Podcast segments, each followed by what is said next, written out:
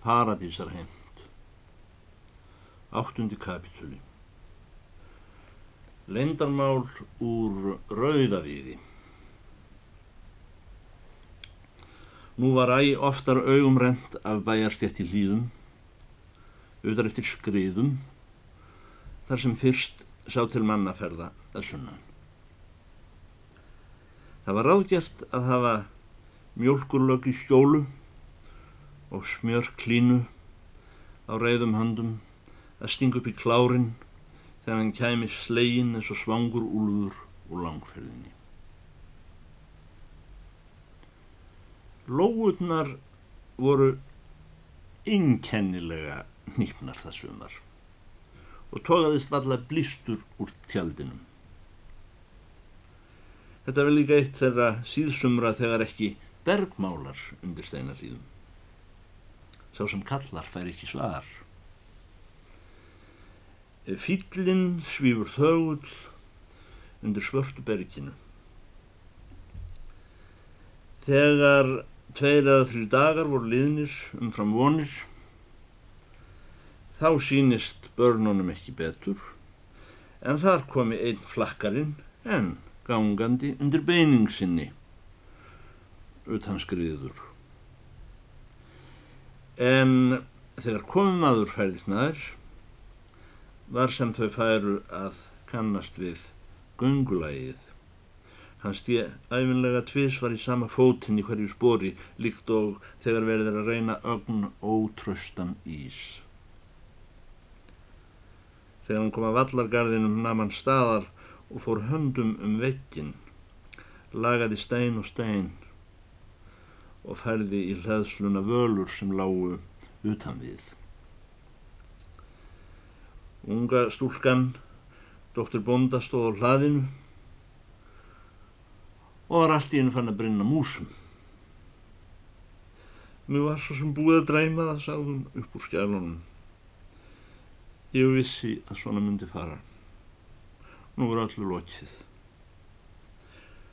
Og að þeim orðum törðum hljóp hún í bæinn og faldi sig og síðan gekk steinarbóndi hlað með nakkinn sinn á bakinu.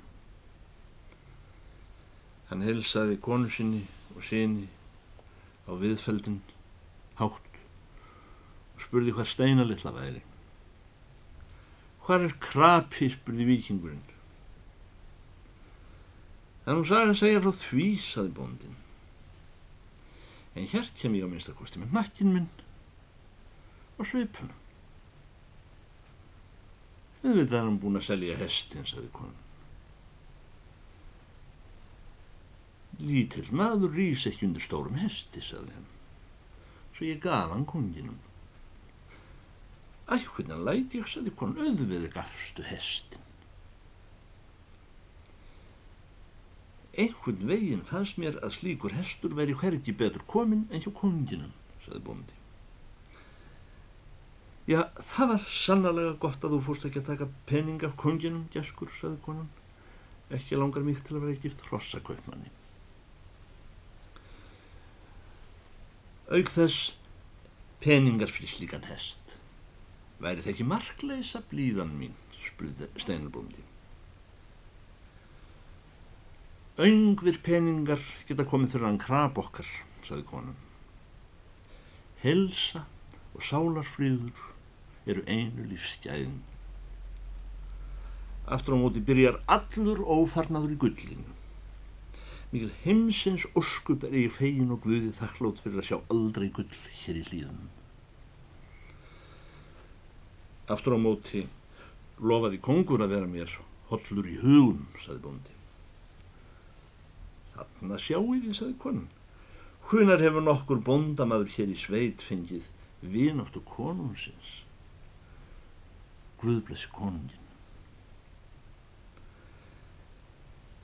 Hvað eigum við nú að láta okkur þykja vendum, saði drengurinn. Og hann var farin að skæla eins og sýstir hans. Maður samprófar ekki hvers virði maður er sjálfur fyrir maður hefur látið hestin sinn, saði bóndi. Látt ekki svona skeppnan mín, saði móður drengsins. Þú skilur ekki hvern mannan fadir þinn hefur að geima. Veistur um að kongurinn kalli hann til sín áður langt um líður og gera hann ráðgjafa sínum? Af þessum fortölum létt drengurinn huggast því hann var konungsmaður og vikingur. Vest þótti mér að ég skildi gleima beislinn upp í klárnum, saði bóndi. En uh, það var einhver ráð fyrir því. Hann fór með nakkinn sinn út í skjem. Það var langt liðið á haust þegar það bar til tíðinda í hlýðum að sendi bóði yfirvaldsins rýður hlað, stígur upp á varinhalluna, dregur fram bref með innsikli embættisins og fær bóndaran.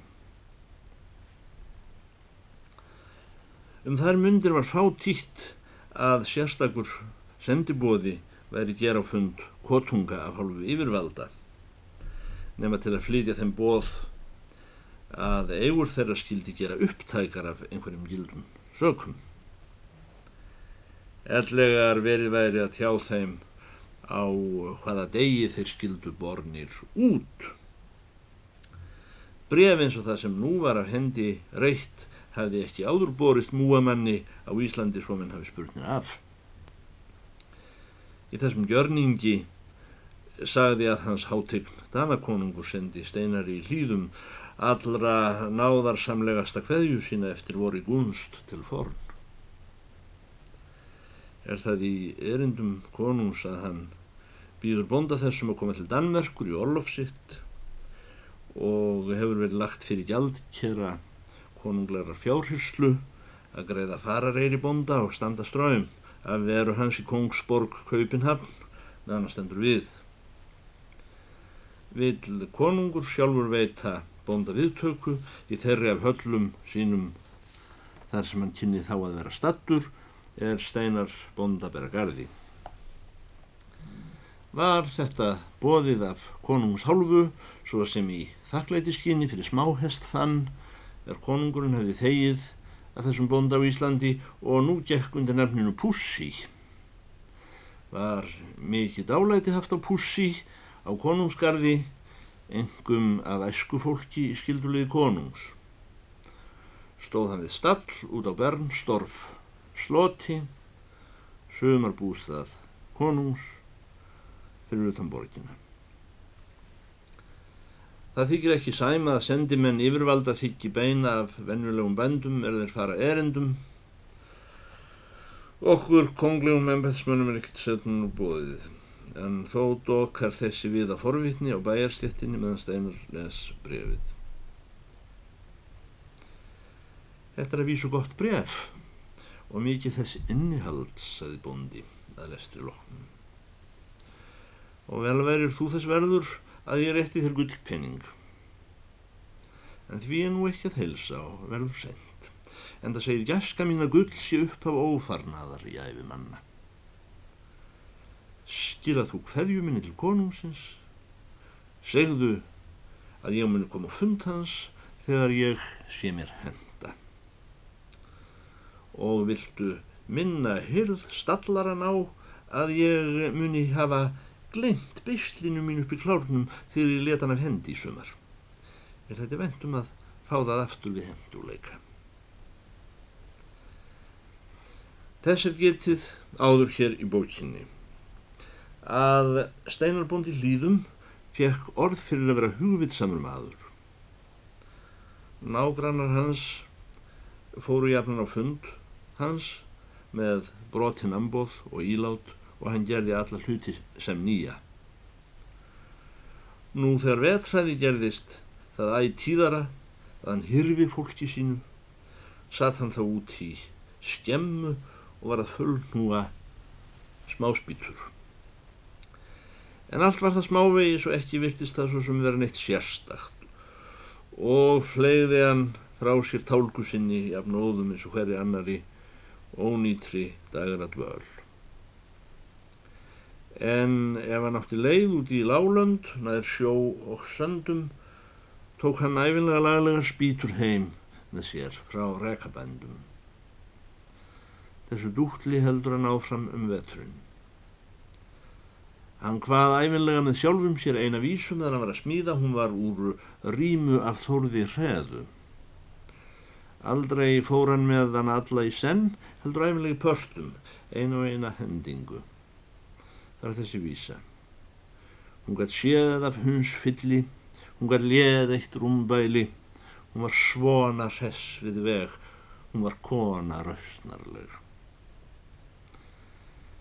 En eh, hversu mjög sem hann smíðaði verður spýturnar ekki mátulegar heldur ímist of stuttar eða of langar, mjóar eða digrar. Leið sá vetur fram í vor annir. Þá kom bondi inn í elduhús með alla tálguna frá liðnum vetri og leðundir ketilin hjá húsfreyju. Síðan fór hann að týna upp úr túninu lausagrjót sem hrunið það úr fjallinu um veturinn og hressa við vallargarðinu. Um sumarið spurðu menn hvort ekki verið satt að hann ætlaði til kongsins bráðum en hann eitti því. En í það munn sem hei voru uppsett í garda og fór að hægjast um nær hausti átti hann enn einu sinni leið í Lálönd og baðum að mega eh, snutta í spýtnarusli hjá mönnum eins og stundum fyrr. En hann fann ekkert nýtilegt á flestum bæjum og vissi ekki fyrir hann var komin alla leið söðra leirum. Björnkallin og leirum var nú ekki neitt trís fremur en fyrir daginn heldur kistibond af tilfinningu og leita hann í stofu og spurði hvað hann gett gert um því geðs. Steinar sagði að sem vantaði laglega spýtur, helst ögn af rauðavíði, þó ekki verið nema öðrum einu hund. Og byrjaði nú himnaríki sem digðin þín að rækja ekki við mig dirfskuna hér um árið þegar þú böðst fram gull og ég aðþakka því. Þú er æfinlega verið djevilskóður kall og skjaldan hefur mér líka betur við því að þegar þú aftókst að selja mér hest hér um árið. Þó varstu enn sannar í Íslandingur þegar þú neytaðir yfirvaldinu. Svona forn Íslandinga þurfum við að hafa. Þannig er nú ekki verið að drekka úr hófarinu. Sinna aldrei læri mannum en konungum. Það eru spýtur, rauða við. Ég veit að það er mestur kjörfiður í heimi og sá einn viður sem hæfir þér. Nú vil svo vel til að ég let högva niður rúsnest strand hér á sandónum um daginn og það er allt tómur rauða viður. Ég láti hlaða því í köst út í túnni. Gjara svo vel, hyrstu eins og það leggur sig. Ég er nú valla í færum um að taka fyrir meir eins og sem 75 til 80 öyra, saði bóndin og um, vísa á þessa öyra út í innskrift á bakkanum. Við konungsmenn og forníslendingar verðum aldrei svo smára við höfum ekki efna á að buga hestklifjum af rauða við í hver af öðrum, saði Björnulegurum. Ég er fátækur maður og hef ekki skap til að taka við gjöfum, segir Steinir hlýðum. Aðeins ríkir menn þóla að taka við gjöfum. Allt um það fyldi Björn á leirum bondanum út í tún þar sem rauðaviðar stakkurinn stóð í byrki en uh, þó að Björn og Leirum mætti ekki heyra nefnt endurgjald var Steinar í hlýðum ekki sá maður að hann þæði rauða við meirinn í hófi. Björn fór með tveimur vinnumönnum sínum og hjálpaði bondanum að búa rauðavíðin upp á hest.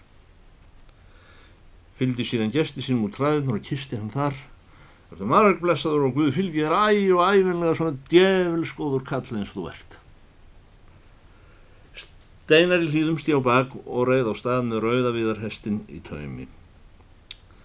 Björn á leirum lokaði túnlíðinu sínu. Það var í stórum aðstígvélum og óð ekki bleitu. En rétt sem hann er að binda aftur grindina mannan eftir litlum hlut því Íslendingar mun einlagt eftir erindinu þegar þeir eru búin að veðja. Hann kallar á eftir Steinar í bonda og segir Heyrðum mig Steinar minn, segir hann. að þú býðið þjóðbröð, heldur þú lofið mér ekki æja nótt og nótt í högunum hjá þinn með trippin mín ef ég sildi reka söður úr austursveitum, handa þeim ensku að sumri. Ertu æfinlega velkomin að hlýðum blessaður öðlingurinn, hvort heldur er á nótt að degi með trippin þín, kallaði steinar bondi á móti. Ætli grasinu sé ekki sama hver býtur það. Það má vel vera nokkrir að rekstrar menn verði mér áhangandi austan yfir, saði Björn á leiðurum. Velkomin skulu ykkur hús í hlýðum með þau endast, saði Steinarbóndi. En það kunnum best að bjóða. Nýjundi kapitúli. Bondi fer hefur með sér lendarmálið. Hún gætt séð af hunsfylli, hún gætt léð eitt rúmbæli. Hver er svo kona sem slík afreg hefur unnið gestrisni, spurðu menn. Var það svo heiladís er handan býr dögum eða nornin sem kýs bændum örlög? Eða húsfræjan góða hér í hlýðum sem aldrei efaðist um yfirburði bonda síns í nokkru efni og reknaði honum það til sóma að hann vildi ekki þykja gull. Eða var það bláklætta konan sem í þúsund ár hefur sést einsumur á gangi í lingmó undir klettum á heitum sumardegi. Ekki vent ég þó að það hefði verið sjálf kongelík mann Majestad sem býr í Danmörku. Eða var það bara hún grunnaflega sem sumur nefna versu. Eitt var víst, konan var ekki oflofuð í hvæðinu framarinn síður til á Íslandi þegar talinu víkur að þeim hlutum sem eru nokkur sviði. Þegar álið vetur hallaði steinar í hlýðum æg oftar hurð að stöðum meðan hann var í smíðakompunni og lokaði að sér. Þegar hann gekk út, læsti hann og stakk á sig liklinum. Pápi, þegar við vorum lítil, saði stúlkan, þá sagðir okkur alla hluti. Nú segir okkur ekki neitt, heldur lokar að þér þegar við erum forvitin. Við erum komin langt að slíta bannskónum, elsku hjörtun mín, saði pápið þeirra. Hann krapi, ævintýrahesturinn okkar er orðin smáhestur hjá konginum og heitir Pussi. Já, en þú getur sagt okkur eitthvað ósköp lítið stundum, Pápi. Þó það sé ekki tóm ævintýr. Okkur langar svo til að vita hvað þú ert að smíða. Kanski tekst mér með Guðs hjálp að búa til ógnlítið fjölmúlavíl fyrir vorið og þá lík ég upp fyrir ykkur kompinu minni, saði bóndin. Það varð orð og að sönnu. Um vorið, þegar landi var að losna úr klakaböndum, þá kalla bondi á börn sín út í skemmu einhver dag og sínir þeim smíðisgripin fullbúin. Það var kistill. Þessi kistill var forkunarvel smíðaður. Hann var hvergi gljáborinn og helt því trelitnum en hann var fáinn á yfirborðið eins og hann hefði verið núinn með lóanum. Og svo var hann fullnúaður af mikilli list að treðjónum virtist hafa gefist upp og látið sveia sig og móta eins og vaks. Hann var herri og lengri en flestir kistlar, þó ekki starri um sig. Öll hlutföll í honum eitthvað sér á parti engin kistill með öllu þessu líkur. Hann var eins þægilegur fyrir augað og hann var viðkomu góður. Þessi kistill var gerður með stórum og smáum hólfum. Undir aðal hólfunum, en þau voru laus, var kistil botnin. Sá var nú ekki allur þar sem hann var séður því undir honum voru þrýr botnar leinilegir sumur segja fjórir og varð þar öngu upplokið nefn með sérstakri íþrótt e, sem nú verður brátt að vikið.